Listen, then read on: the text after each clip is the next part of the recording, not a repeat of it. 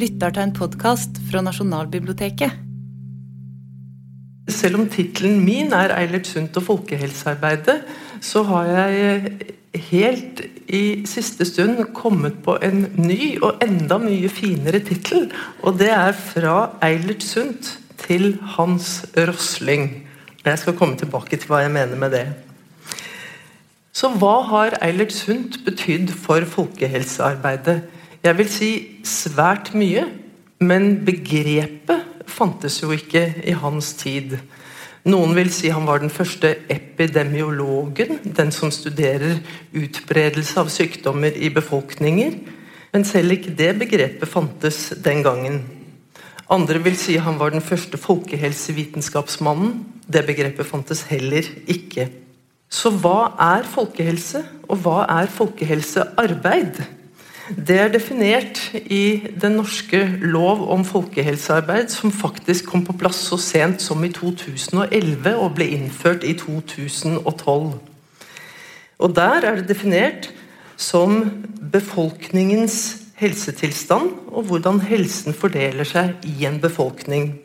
Og folkehelsearbeidet som samfunnets innsats for å påvirke faktorer som direkte eller indirekte fremmer befolkningens helse og trivsel, forebygger psykisk og fysisk sykdom, skade eller lidelse, eller som beskytter mot helsetrusler, samt arbeid for en jevnere fordeling av faktorer som direkte eller indirekte påvirker helsen. Så så vanskelig kan vi si at det handler om flokken, ikke om den enkelte, men om fellesskapet. Det handler om samfunnet, om alle i en befolkning, ikke bare om de som har blitt syke. Det handler om å leve lenger. Det handler om å være fri for sykdom. Det handler om å leve med sykdom og å leve uten sykdom og å trives. Og det handler om en likere fordeling av helse og de faktorene som påvirker helse. Mens uttrykket folkehelse ble tatt i bruk allerede tidlig på 1900-tallet som en norsk oversettelse av det engelske 'public health', ble termen folkehelsearbeid først vanlig mot slutten av forrige århundre, omtrent samtidig som begrepet samfunnsmedisin ble introdusert gjennom opprettelsen av en egen legespesialitet. Dette forteller Jon Gunnar Mæland i tidsskriftet Mikael, som er et historisk tidsskrift. Så det er altså nye begreper som vi fortsatt baler med å formidle betydningen av. Men når det virkelig gjelder, når vi har et stort utbrudd, når ebola bryter ut i Vest-Afrika, eller eh, pandemisk influensa truer Norge, da er det ingen som er i tvil om hva folkehelse og folkehelsearbeid er. Folkehelsearbeid forutsetter kjennskap både til folk og helse. Leger er opplært til å identifisere symptomer og tegn og klassifisere manglende funksjon eller dårlig funksjon, og kanskje også finne de bakenforliggende årsakene før man iverksetter tiltak. Denne logikken gjelder ikke bare for pasientnær virksomhet, men også for folkehelsearbeid. Det betyr at man må kjenne både til forekomsten av sykdom og helsetrusler i befolkningen, og til alt som kan påvirke helse. I vår tid får vi jevnlige oppdateringer om dette ved å analysere data fra helseundersøkelser og registre, opplysninger om levekår, sykelighet og dødelighet. Men også utviklingen av slik informasjon, som vi gjerne beskriver som befolknings- eller helsestatistikk, har sin historie. Og i den historien har Eilert Sundt en svært viktig rolle. De nordiske landene var tidlig ute med å institusjonalisere det statistiske arbeidet. I Sverige opprettet man tabellverket i 1749 allerede. og Det var det første landet i verden til å etablere et statlig organ for befolkningsstatistikk. I Danmark-Norge ble en tilsvarende institusjon opprettet i 1797 som tabellkontoret i Rentekammeret i København. Dermed forstår vi også eh, at dette hang nært sammen med den økonomiske utviklingen og styringen av landene. Det statistiske sentralbyrå, forløperen til dagens Statistisk sentralbyrå, ble grunnlagt som en selvstendig norsk institusjon allerede i 1876. Nasjonal oversikt over dødelighet og smittsomme sykdommer har vi faktisk hatt i over 200 år.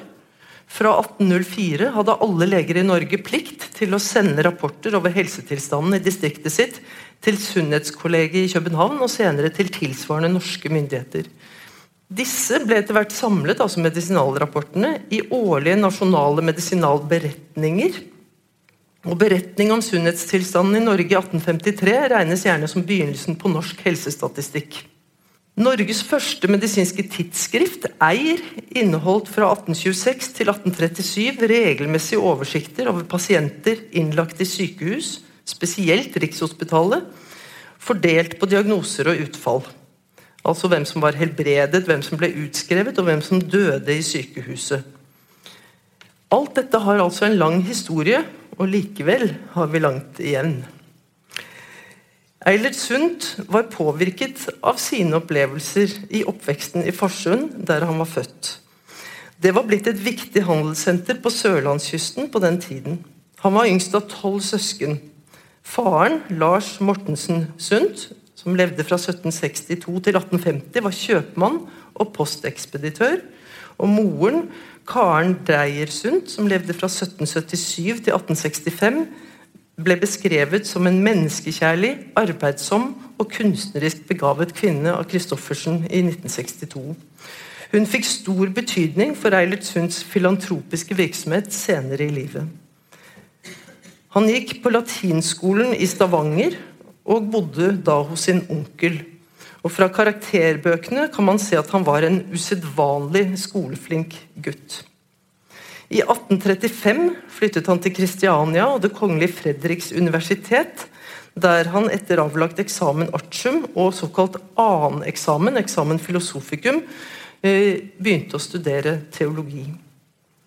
Bodil Stenseth har beskrevet inngående hvilke prøvelser han ble utsatt for mens han studerte.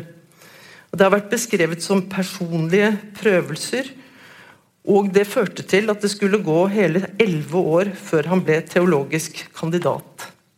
Han reiste bl.a. tilbake til foreldrene et par år pga. det Bodil Stenseth beskriver som kombinasjonen av religiøs krise, vantrivsel, fattigdom, ensomhet og overanstrengelse. Samtidig fikk han mange venner i Kristiania, eller etter hvert. Bl.a. teologen og filosofen Markus Jakob Monrad, matematikeren og senere statsråd Ole Jakob Broch og filologen og skolemannen Ole Hartvig Nissen. Alle de skulle bidra til nasjonsbygging på 1800-tallet, og hvor lite landet vårt var den gangen, kan vi kanskje forstå av det akademiske miljøet Eilert Sundt var del av. De andre som tilhørte det miljøet, de samtidige, var bl.a. Ivar Aasen, Åsmund Olafsson Vinje og den litt yngre Ole Wigg og Bjørnstjerne Bjørnson.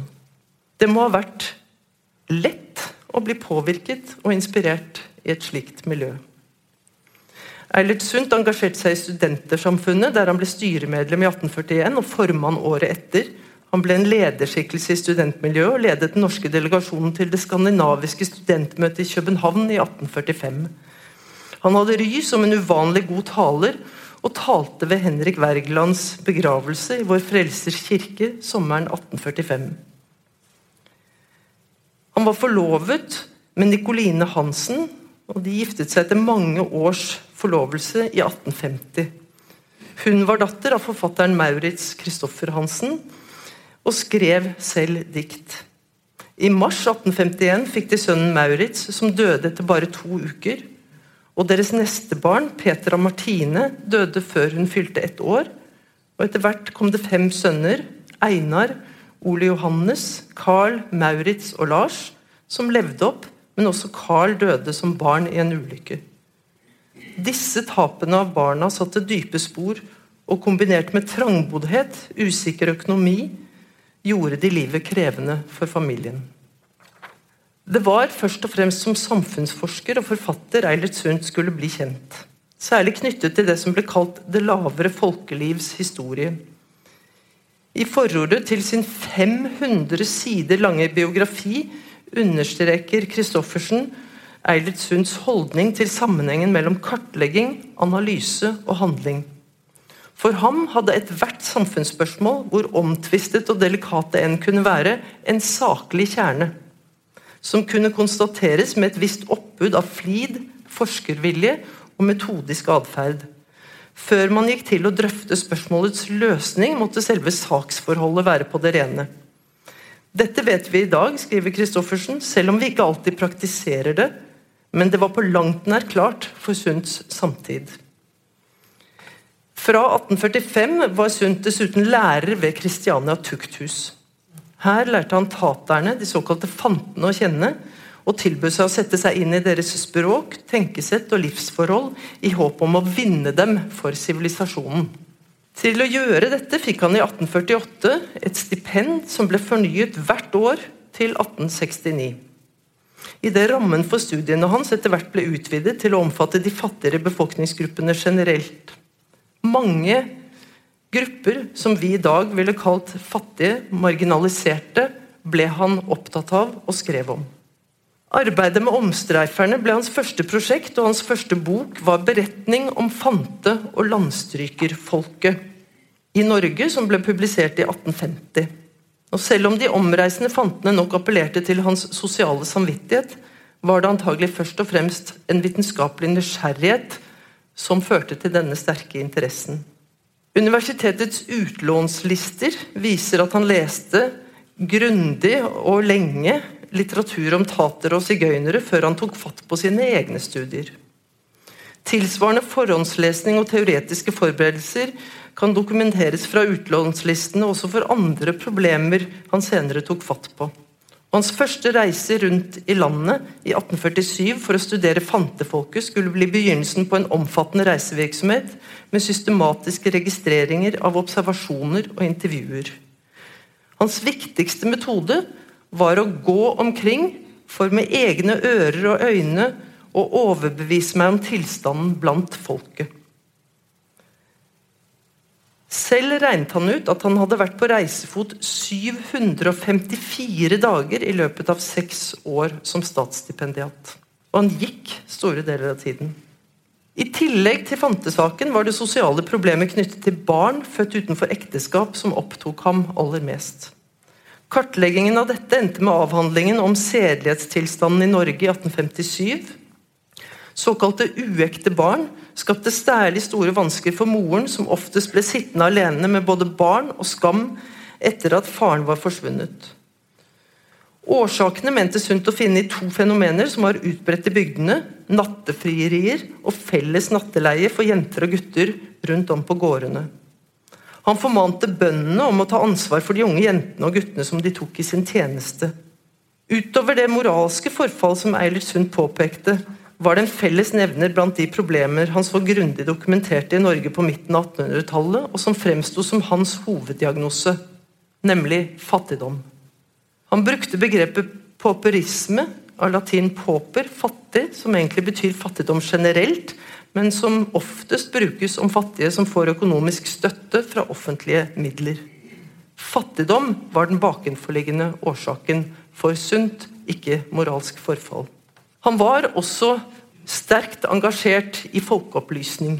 Dette er et sitat eh, fra sedelighetstilstanden i Norge, der han skriver seg selv inn i fortellingene i de vitenskapelige verkene, slik han pleide å gjøre.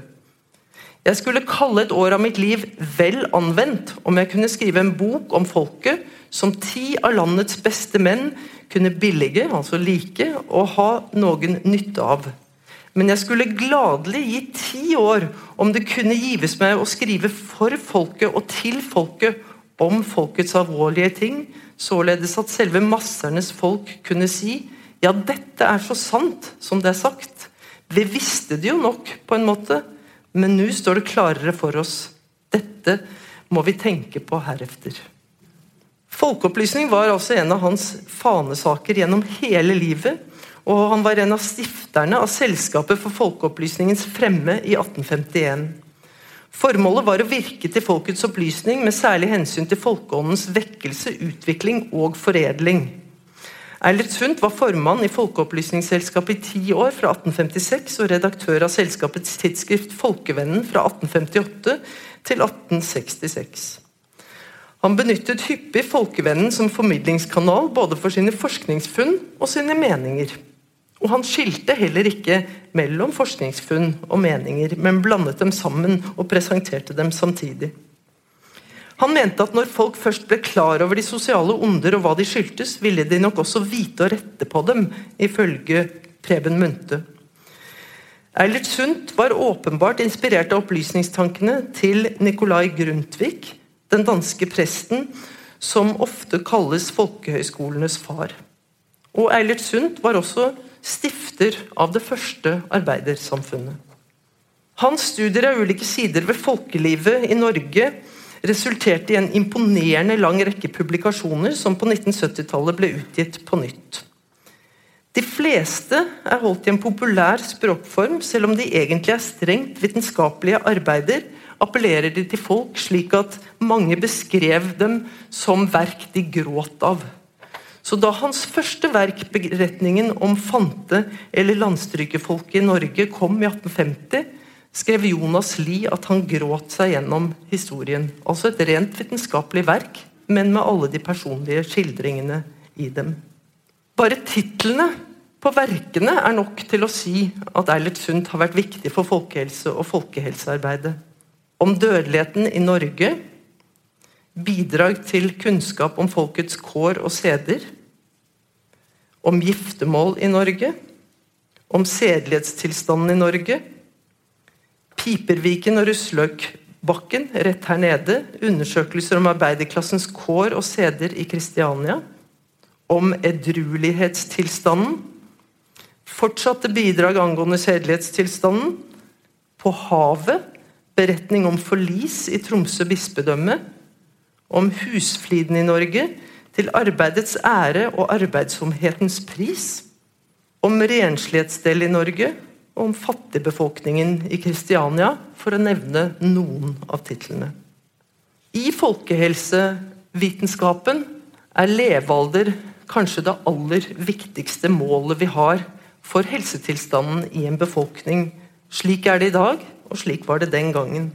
Og Eilert Sundt skrev altså boken 'Dødeligheten i Norge'. Bidrag til kunnskap om folkets kår.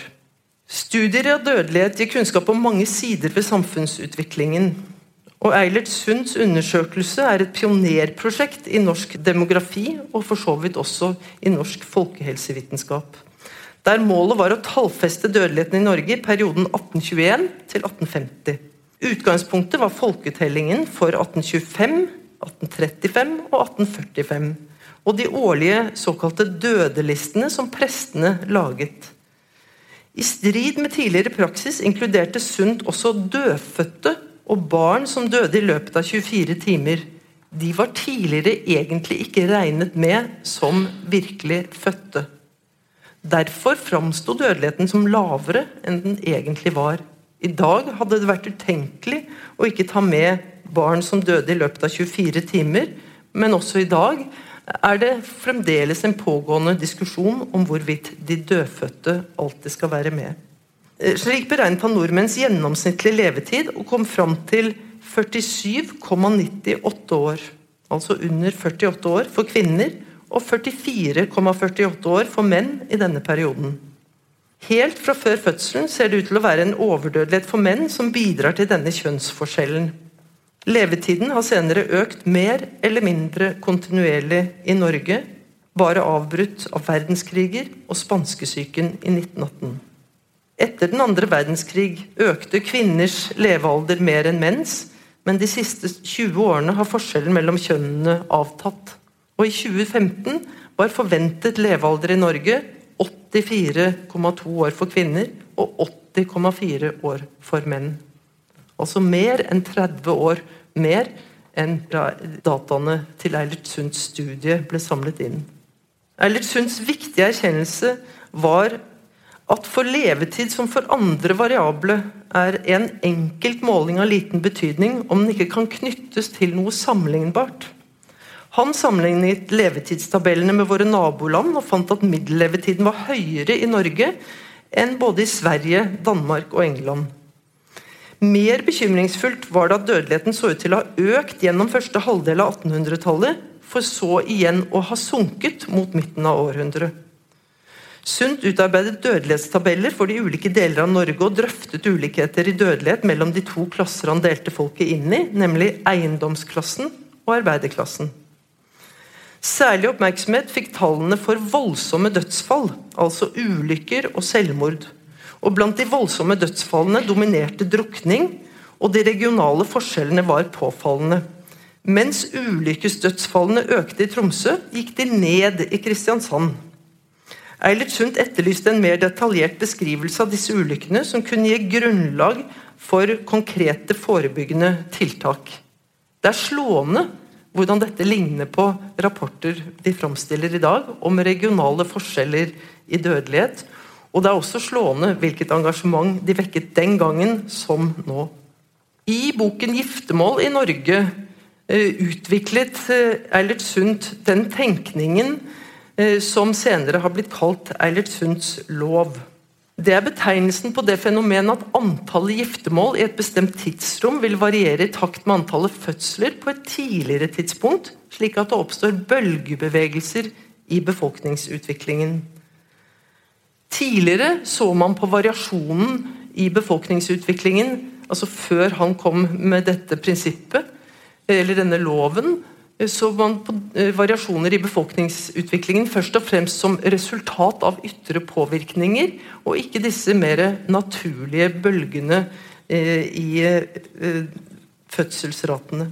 Begge publikasjonene, både 'Giftermål i Norge' og boken om dødeligheten, ble sendt ut som supplement til Folkevennen i 1855. Altså ment for alle, ikke bare for et vitenskapelig publikum. Men det var i avhandlingen om giftermål at han viste at antall fødte i en befolkning var avhengig av antall fødte en generasjon tidligere, altså ca. 30 år tidligere. Og han påpekte at små barnekull i sin tur fødte små barnekull, og motsatt at dette skapte forutsigbare bølger i befolkningsstatistikken. Og I 1894 var det den svenske demografen Gustav Sundberg som introduserte begrepet Eilert Sunds lov, altså etter Eilert Sunds død, så han visste ikke om dette. Han studerte også edruelighetstilstanden i Norge. Og der gjorde han undersøkelser via skolelærere. Han sendte spørreskjemaer til over 2000 skolelærere i Norge og fant at blant gifte menn og enkemenn fra landdistriktene så var det 62,7% som var edruelige. 33,5% ikke sikre. Det var vanskelig å vite om de var edruelige eller ikke. Og 3,8% som var såkalt forfalne. Det var de tre kategoriene han delte mennene inn i. Men det som kanskje er aller mest interessant ved boken, er ikke denne inndelingen, men refleksjonene rundt metoden, dens svakheter og utilstrekkeligheter. I kartleggingen av folkelivet i Norge ble Eilert Sundt raskt oppmerksom på drikkeonde som et stort sosialt problem. Og uh, Dette spørreskjemaet sendte han altså ut i 1857 uh, til skolelærerne i det som den gang var landets 2431 skoledistrikter. Og han fikk svar fra 84% og dette var også da indirekte. Det var skolelærere som rapporterte om folk i det uh, området som de drev skole i. Så han spurte ikke folk selv hvor mye de drakk, men lærerne som han stolte på. Det er eh, imponerende detaljerte tabeller og analyser av geografiske variasjoner og forskjeller mellom eiendomsklassen og arbeiderklassen også her. Og Eilert Sundt er åpenbart ikke bare oppmerksom på det subjektive skjønn hos hver enkelt lærer, og at det kan føre til forskjeller i rapporteringen og derfor i den geografiske variasjonen, men også at vurderingene kan avhenge av lokale variasjoner i det generelle synet på hva som er akseptabelt alkoholforbruk. Og Etter en grundig gjennomgang av svarene konkluderer han likevel med at de stort sett er troverdige. Han har åpenbart tillit til lærerne. Så Han avslutter rapporten med en diskusjon av årsaken til fylleriets onde. Og avdekker at han så på alkoholisme ikke bare som synd, men også som sykdom. Og det er et skritt i en ny retning. Samtidig gir han uttrykk for en utviklingsoptimisme som skulle bli enda tydeligere ti år senere hos ham. Og Han skriver for nærværende tid bør det dog ikke være tvil om at edruelighetstilstanden i det hele tatt er betydelig forbedret. Eilert Sundt fortsatte sine studier trass i at Stortinget begynte å stille spørsmål ved hva det var han egentlig drev med, for de var opptatt av å få gjort noe med de sosiale problemene og lurte på når han skulle begynne å oppsummere. I en spent situasjon der han gjorde mange ting, gikk løs på nye oppgaver som Stortinget ikke hadde bedt ham om, og ikke opprinnelig hadde gitt ham stipend til, oppsto det også konflikter. En viktig konflikt som jeg skal fortelle litt om, det er konflikten med fremtredende norske leger. Hvilken rolle det spilte for at Eilert Sund til slutt ikke fikk stipend lenger fra Stortinget, er vanskelig å si, men det var i hvert fall eh, personer blant disse legene som hadde stor innflytelse, og sannsynligvis bidro til den beslutningen i 1869. Norsk medisin midt på 1800-tallet var dominert av de såkalt overførbare, og senere kjent som smittsomme sykdommene. Man visste jo ikke den gang hvordan de smittet. Det var på det tidspunktet uklart om disse skyldtes egne fysiske smittestoffer, såkalte kontagion, eller dunster fra jordsmonnet, såkalte miasmer. Eller en kombinasjon av egenskaper hos pasientene og omgivelsene, såkalt epidemisk konstitusjon. Kolera var den mest dramatiske og mest dødelige av disse sykdommene, og koleraepidemiene på 1800-tallet styrket troen på grupperettede tiltak som isolasjon og karantene. Noe som kom til nytte da koleraen kom tilbake til Kristiania og Norge med den store epidemien i 1853, da to av tre angrepne døde. Det var også på denne tiden at den britiske legen John Snow, som levde fra 1813 til 58, påviste sammenhengen mellom en drikkevannskilde, en pumpe i Broad Street i Soho i London, og koleraforekomsten i London. Forbindelsen mellom sykdom og sosiale forhold ble også tydeligere. Og Særlig gjaldt det en annen av denne tidens fryktede sykdommer, nemlig lepra. Systematisk kartlegging ble et verktøy for å forstå og håndtere sykdom. Og Medisinalberetningene fra 1853 og opprettelsen av et nasjonalt lepraregister allerede i 1856 er eksempler på dette.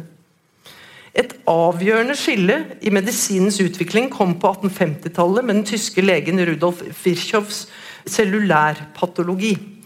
Kombinasjonen av bedre mikroskop og troen på cellene som studieobjekt for jakten på sykdomsårsaker skulle bane vei for bakteriologien noen tiår senere.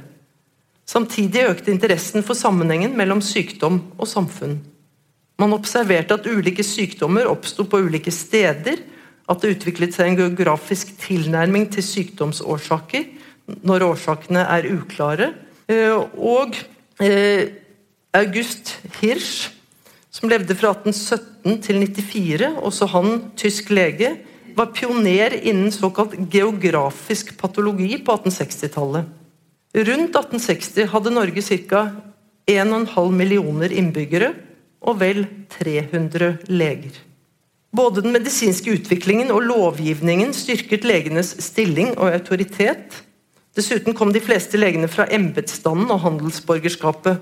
Det var stort sett unge menn fra de øvre sosiale lag som søkte seg til legestudiet og andre universitetsfag, skriver historikeren Einar Schjøtz. Disse mennene hadde ofte en bakgrunn og et selvbilde som gjorde dem dårlig egnet til å forstå levekårene og levesettet til folk flest. Som Schjøtz formulerer det, så de gjerne på seg selv som representanter for kultur og sivilisasjon, og var plikta til å overføre egne normer til de usiviliserte samfunnsklassene, til bønder, fiskere og håndverkere prega av vankunne og uforstand. Det mest omfattende tiltaket kom bl.a. som følge av koleraepidemiene, med sunnhetsloven i 1860, som påla hver kommune å oppnevne en sunnhetskommisjon som skulle ha sin oppmerksomhet henvendt på stedets sunnhetsforhold, og hva derpå kan ha innflytelse. Altså svært likt som det som er formulert i den helt nye folkehelseloven, eller lov om folkehelsearbeid.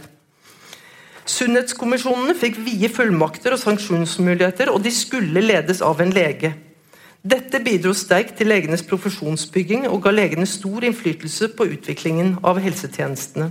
Legene skrev regelmessige medisinalberetninger om sykdoms- og helsetilstanden i sine distrikter, og disse inneholdt gjerne lite helsestatistikk, slik vi tenker på det i dag, men mange subjektive beskrivelser. Eilert Sundt reagerte på beskrivelsene av befolkningens uvitenhet og urenslighet, og mente at legene hadde for liten forståelse for folkets forutsetninger. De omtalte ofte befolkning, altså medisinalberetningene, befolkningens uvitenhet, overtro og dårlig hygiene. I 1956 ble det f.eks. fra Nord-Gudbrandsdalen klaget over den fattigere allmues dårlige kosthold, hvis følge var en avskyelig flatulens som allerede merkes på lang distanse. Eilert Sundt reagerte på disse beskrivelsene og mente at legene ikke forsto folk. Og Det er i dette lys vi må se den såkalte grautstriden. Og Her må jeg innrømme at det å komme til bunns i grautstriden det har vært ganske vanskelig. Og jeg har åpenbart ikke brukt nok tid på det. Men så vidt jeg kan skjønne, så handlet den om nesten ingenting. Men den ble svært dramatisk og foregikk da eh, i medier. Dette var da eh, en strid som oppsto etter at Eilert Sundt hadde anmeldt kokeboken 'Fornuftig matstell' som Petter Christian Asbjørnsen, altså eventyrfortelleren, hadde utgitt under pseudonymet Klems Bonifacius i 1865. Og Den anmeldelsen innledet den såkalte Grautstriden. Også det kan jo gi assosiasjoner til eh, dagens debatter. Sundt betegnet denne striden som 'furor gratumanorum' i en fotnote på side 400 i Renslighetsboken som kom senere. Kjernen i grøtstriden var spørsmålet om det var nyttig eller bortkastet å blande rått mel i ferdigkokt grøt. Sundt så på dette som en god tradisjon, men striden handlet også om bondekvinnenes evne og vilje til renslighet og godt matstell. Sundt oppfattet kokeboken som en stor fornærmelse mot den norske allmue, som han forsvarte nettopp med at folk måtte vurderes på egne premisser. Striden ble på en måte avsluttet ved et foredrag av lege og professor Frans Christian Faye eh, i Vitenskapsselskapet i Kristiania to år senere. Han fastslo at både Asbjørnsen og Sundt hadde rett. Faye hadde gjennom forsøk erfart at kroppen gjør seg nytte av både kokt og rått mel, men at rå stivelse bruker lengre tid gjennom tarmen. Det handlet altså tilsynelatende om ingenting, men det var tilstrekkelig til at det oppsto en vedvarende konflikt mellom Eilert Sundt på den ene siden og legene på den andre siden. Renslighetsstellet i Norge kom i stand som følge av at amtsformannskapene på Vestlandet i 1864 utlyste en prisoppgave om kvinnenes renslighetsstell. Dette ble altså insentivet til Eilert Sunds hovedverk om renslighetsstellet i Norge, som utkom i 1869. Det var neppe tilfeldig at boken etter fem års arbeid fikk ordet 'renslighet' og ikke 'urenslighet' i tittelen. Mange mente at den handlet om urenslighet. Sundt var i utgangspunktet positiv til sunnhetsloven og opprettelsen av sunnhetskommisjonene, og så definitivt et forbedringspotensial i rensligheten i de norske hjem. Utgangspunktet sitt klargjorde han i innledningen, der han skrev vil jeg aldeles nekte at renlighet har likefrem innflytelse på sunnheten? Nei. Men vil man nekte at sunnhetstilstanden i et fattig hus også kan lide formedels andre årsaker? Og nok en gang gikk han systematisk til verks. På mangfoldige steder har jeg sittet i timevis og talt med folk om renlighetsstellet og skrevet opp hva man fortalte, forteller han. Annet kunne Sundt påvise at det i Sunnfjord, der forekomsten av lepra var høy, var bedre renhold og hygiene enn de fleste andre steder i landet. Det var altså ikke en enkel sammenheng mellom renslighet i hjemmet og sykdom. Om renlighetsstellet i Norge, som i pocketutgave fra 1975 er på over 400 sider, beskriver utviklingen av bygningsskikker, renhold av hus og klær, personlig hygiene og matstell rundt om i Norge helt fra de tidligste tider til 1860-tallet. Han stilte altså spørsmål til de som den gang levde, om hva de visste om sine formødre og forfedre. Gjennom hele boken observerer Sundt mer enn han formaner. Språkformen er ofte poetisk, og han er særlig opptatt av sammenhenger og utviklingstrekk. Han skriver det er som et stort tre jeg ser for meg, med dype røtter, mektig stamme, sterke og lette grene, høy og luftig krone. Således er folkelivet. Røttene ligger dypt i urtidens skjød, og kronen beveges av nutidens luftning. Der er liv og friskhet, og der er sammenheng helt igjennom. Renlighetsskikken er en gren på treet.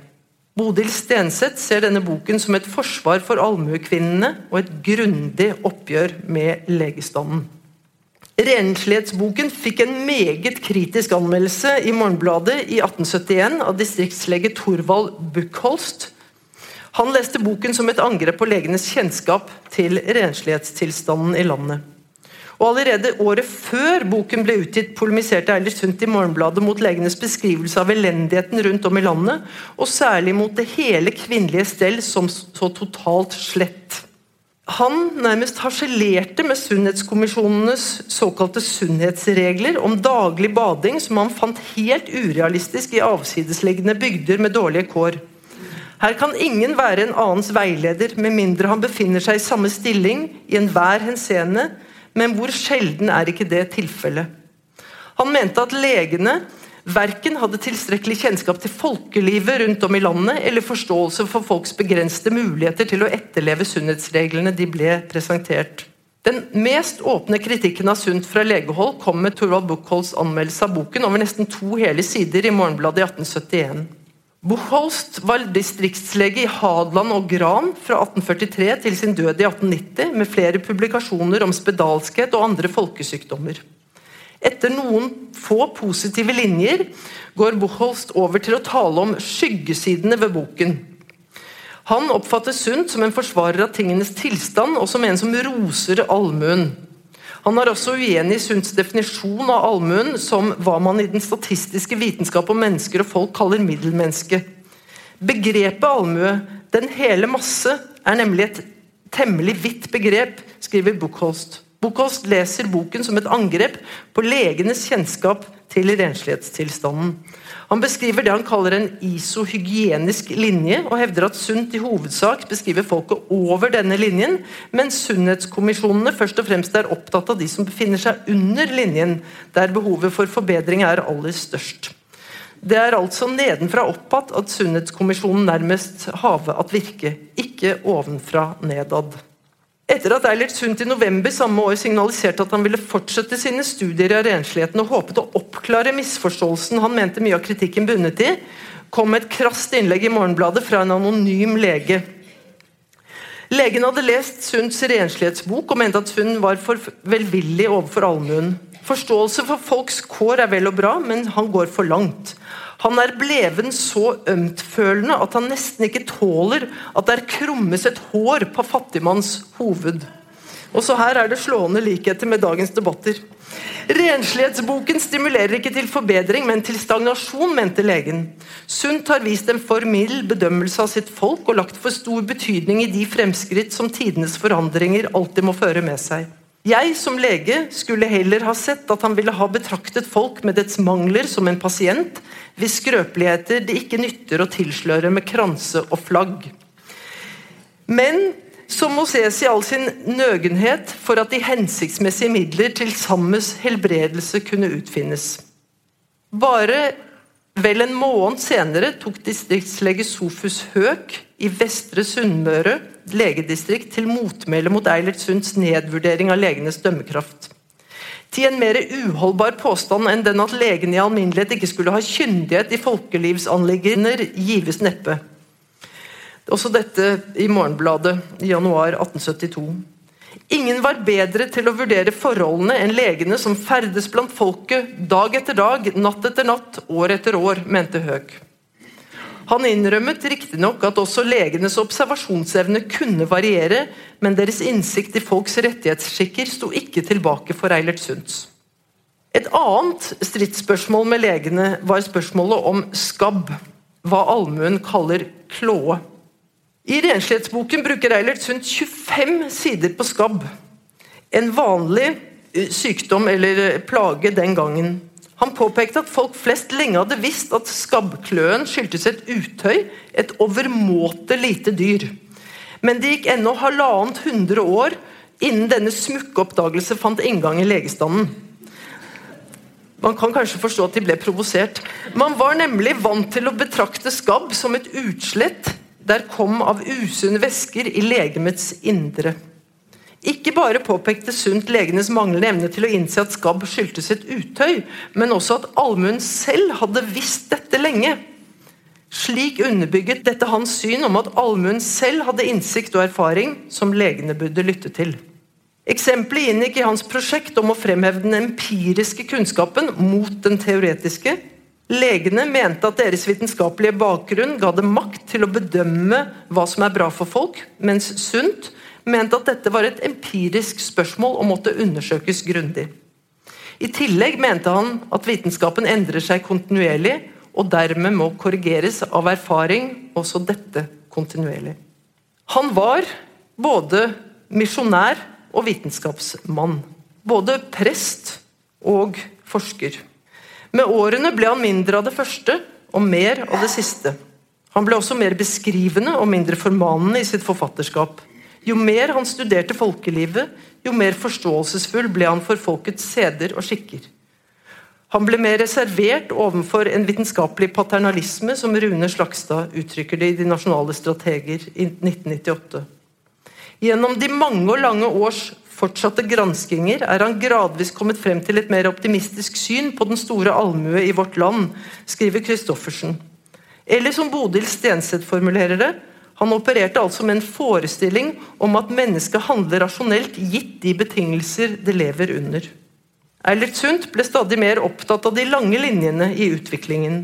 Han både forklarte og forsvarte tilstanden hos folk flest med deres forutsetninger, og dette brakte ham i konflikt med mange ulike autoriteter. Skolemyndigheter og legestand. Og etter hvert også med Stortinget, som avviklet støtten til hans prosjekter i 1869. Professorene Sveigård og Aschehoug forsvarte Sundt iherdig mot stortingsflertallets forslag om å avvikle stipendene hans. Stortinget var skuffet over det han hadde utrettet, fordi han kom med så få forslag til hva man skulle gjøre, og fordi han ikke oppsummerte, og fordi han ikke holdt seg til det de opprinnelig hadde gitt ham stipend for, men spredte seg på stadig nye emner. Da de framholdt at ingen andre europeiske land hadde en forsker som Sundt, som både behersket de statistiske metodene, de vitenskapelige metodene, selv gjorde datainnsamling, var ute blant folk og nærmet seg alle spørsmål med stor saklighet. Da fikk de til svar av en av representantene i Stortinget som tilhørte flertallet, at hvis ingen andre europeiske land har en slik forsker, hva skal da Norge med en slik en? Og Dermed var hans stipend avsluttet. Og han måtte ufrivillig ta jobb som prest i Eidsvoll, der han tilbrakte de siste årene av sitt liv. Han var skuffet og også her, ifølge hans sønn, brygget det opp til konflikter med en vesentlig mer eh, konservativ menighet enn det han selv var. Etter hvert som de oppdaget at han var en liberal prest, eh, ble de, eh, ble de provosert, og, og det tegnet til strid. Men i juni 1875 fikk han antagelig lungebetennelse og døde etter et kort sykeleie. Han ble aldri lærer i teologi ved universitetet, slik han opprinnelig ønsket, men endte sitt yrkesliv som sogneprest på Eidsvoll. Det ble betegnet som et indre eksil etter at han ikke lenger fikk penger til forskning.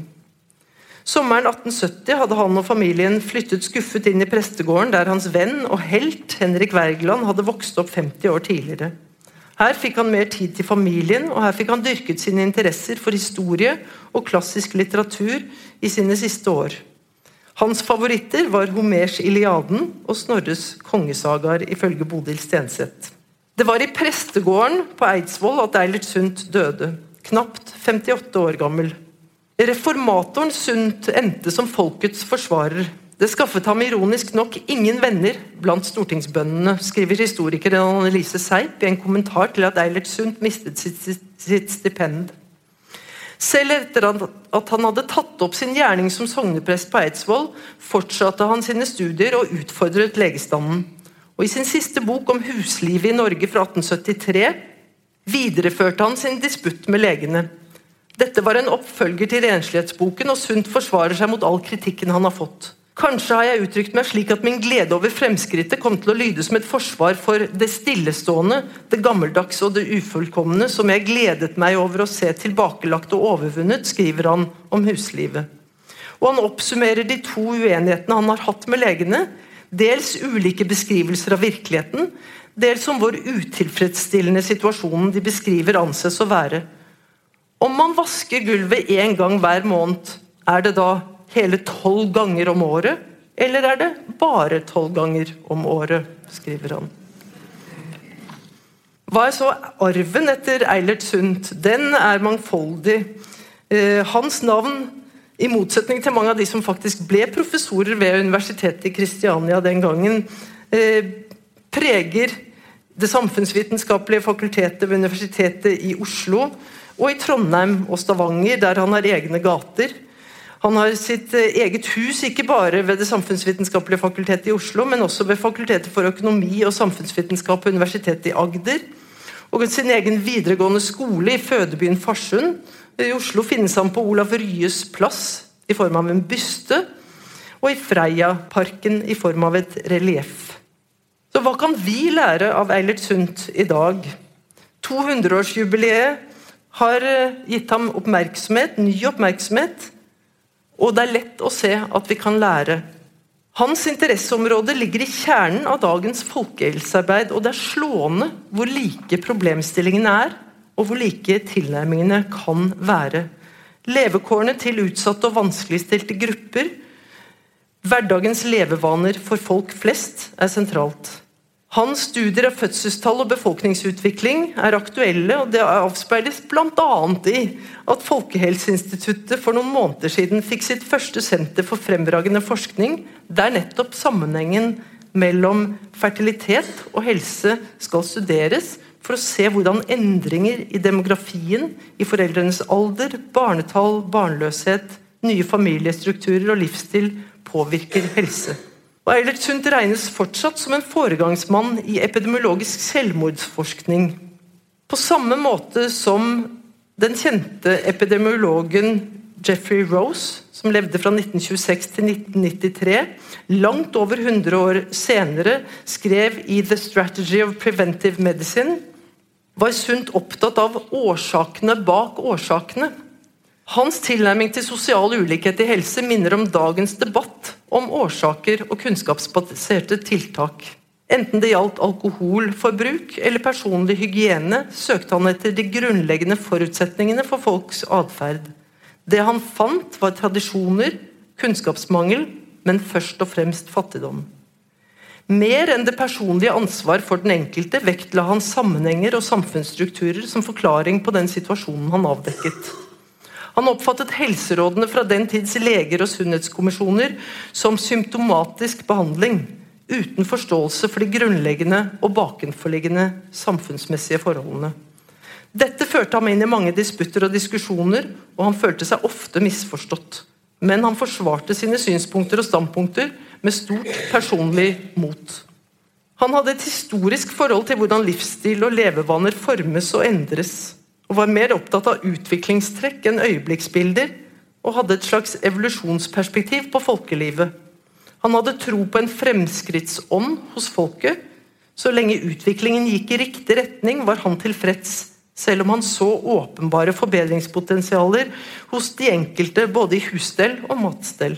Han kombinerte det vi i dag kaller kvantitative og kvalitative metoder i sin kunnskapsinnhenting og det var en tett sammenheng mellom det ene og det andre hos ham. Selv om han gjorde omfattende kartlegginger og presenterte imponerende innholdsrike tabeller, naturlig nok utarbeidet uten noen elektroniske hjelpemidler, var det ikke tilstrekkelig for ham å telle. Han måtte også snakke med folk og høre deres egne beskrivelser. Hva de hadde erfart, hva de visste. Han tok detaljerte notater fra samtalene han førte med leg og lærd rundt om i landet, og mente at å bli kjent med Norges geografi var en viktig forutsetning for å forstå folkelivet. Han var kritisk til sine egne forskningsmetoder og bevisst metodenes svakheter. Han reflekterte åpent over sin egen forutinntatthet og sine egne reaksjoner på alt han registrerte. Alt fra vond lukt, det han syntes var skittent, det han syntes var motbydelig. Det beskriver han direkte. Både slik han opplever det umiddelbart, men også slik han reflekterer over det i ettertid. Han var personlig til stede med sin moral, sine fordommer og sine refleksjoner i alt han skrev. Han lot ikke som om han var nøytral eller ikke representerte fordommer. Eilert Sunds mange publikasjoner preges av fortellerglede og høy språklig bevissthet. Han var åpenbart interessert i etymologi og diskuterer mange steder begrepers opphav og fortolkning, gjerne i ordrike fotnoter. De er veldig morsomme. Han gjenga ofte sitater fra sine samtaler med informantene og klarte å skrive populært og vitenskapelig samtidig. Slik svært få klarer det. Slik nådde han ulike målgrupper med sitt budskap, selv på den tiden. Flere av hans verker solgte mer enn noen andre bøker den gangen. Og han var med tiden i økende grad opptatt av å forstå mer enn å formane. Han trodde på fremskritt, og han trodde på samarbeid. Forskningens og forståelsens arbeid angående folkets liv og strev må gå hånd i hånd med livet og strevet selv, skrev han i en oppfordring til leger, lærere og andre i Adressebladet i februar 1871. Alt dette kan vi ha nytte av også i dagens folkehelsearbeid og folkehelsevitenskap. At det var en prest og samfunnsforsker som banet vei, minner oss dessuten om tverrfagligheten i slikt arbeid, og maner til ydmykhet, spesielt hos leger. Og så til slutt vil jeg trekke linjen fra Eilert Sundt til Hans Rosling. Jeg har tenkt hvem bærer arven etter Eilert Sundt videre i dag? Hans Rosling døde knappe 69 eh, år gammel, eller 68 år gammel, i februar i år. Han var statistiker og lege. Han hadde selv bakgrunn i arbeiderklassen, men fikk utdanning i Sverige etter krigen. Han eh, var eh, grunnleggeren av det som heter gapminder, altså en ny måte å visualisere statistikk på og er vel av de som har gjort statistikk folkelig og populært i verden i dag. Og mange går i hans fotspor og prøver å ta etter ham, men jeg har foreløpig ikke sett noen som har lykkes like godt. Han krysset landegrenser, han jobbet i Afrika, i Asia, og han fortsatte å reise utrettelig til like før sin død. Da ebola-epidemien brøt ut, reiste han til Liberia for å sitte der i de offentlige kontorene og lage systemer for å følge med på hvor mange som var syke og smittet. Da eh, syriske flyktninger krysset grensen, eller kom over eh, Middelhavet, engasjerte han seg og foreslo at man burde betale flyreise for dem. Han hadde ingen sperrer mot både å mene og å være forsker.